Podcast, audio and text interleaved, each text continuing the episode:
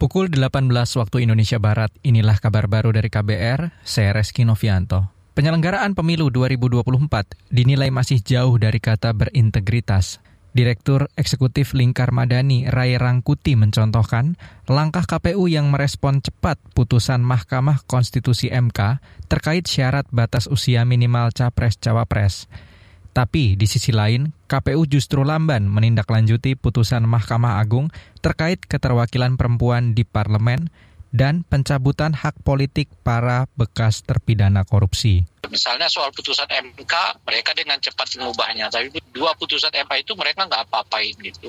Keterbukaannya juga lah sangat minim ya, sehingga digugat. Ya belum apa-apa ketua ketua KPU dan anggotanya juga udah disidang di di, di KPP gitu. Jadi eh, dari tiga aspek ya, dari penegakan hukumnya, kemudian pesertanya, lalu penyelenggaranya memiliki persoalan dalam hal integritas. Direktur Eksekutif Lingkar Madani Rai Rangkuti juga mengingatkan seluruh anggota KPU pernah mendapat sanksi peringatan dari Dewan Kehormatan Penyelenggara Pemilu DKPP terkait aturan jumlah caleg perempuan. Khusus Ketua KPU Hashim Asyari, DKPP bahkan memberi sanksi peringatan keras dan dinilai tidak mampu menunjukkan sikap kepemimpinan profesional. Kita ke berita pemilu. Kabar Pemilu Bakal calon presiden dari Koalisi Indonesia Maju, Prabowo Subianto ingin kemandirian di sektor pangan. Menurutnya, kebutuhan pangan tidak boleh bergantung dari impor. Prabowo menegaskan lumbung pangan atau food estate tidak hanya mencukupi kebutuhan domestik, tapi juga untuk dunia. Tidak ada negara merdeka yang tergantung makannya dari bangsa lain. Dan sekarang terbukti dengan perang Ukraina, banyak negara tidak mau jual pangan. Ada 22 negara penghasil pangan menghentikan ekspor pangan. Saya ya. bertanya, bangsa Indonesia mau apa? Jadi tidak ada jalan lain, kita harus swasembada pangan dan swasembada pangan akan kita capai. Ini masalah kebijakan. Okay. Saya sangat optimis kita swasembada pangan. Prabowo menambahkan, saat ini program lumbung pangan diharapkan menjadi solusi permasalahan harga pangan yang tinggi.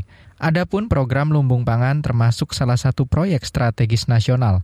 Proyek ini tersebar di sejumlah daerah seperti Sumatera, Kalimantan, hingga Papua. Beralih ke informasi lain, bakal calon wakil presiden dari Koalisi Indonesia Maju, Gibran Raka Buming Raka, mengajak semua pihak menghormati putusan Majelis Kehormatan Mahkamah Konstitusi (MKMK) yang memberhentikan sang paman Anwar Usman dari jabatan Ketua MK. Informasi selengkapnya bersama Yuda Satriawan langsung dari Solo, Jawa Tengah. Bakal calon wakil presiden dari Koalisi Indonesia Maju Gibran Raka Buming Raka merespon putusan Majelis Kehormatan Mahkamah Konstitusi atau MKMK yang menyatakan adanya pelanggaran etik berat dan mencopot Anwar Usman dari jabatan Ketua MK.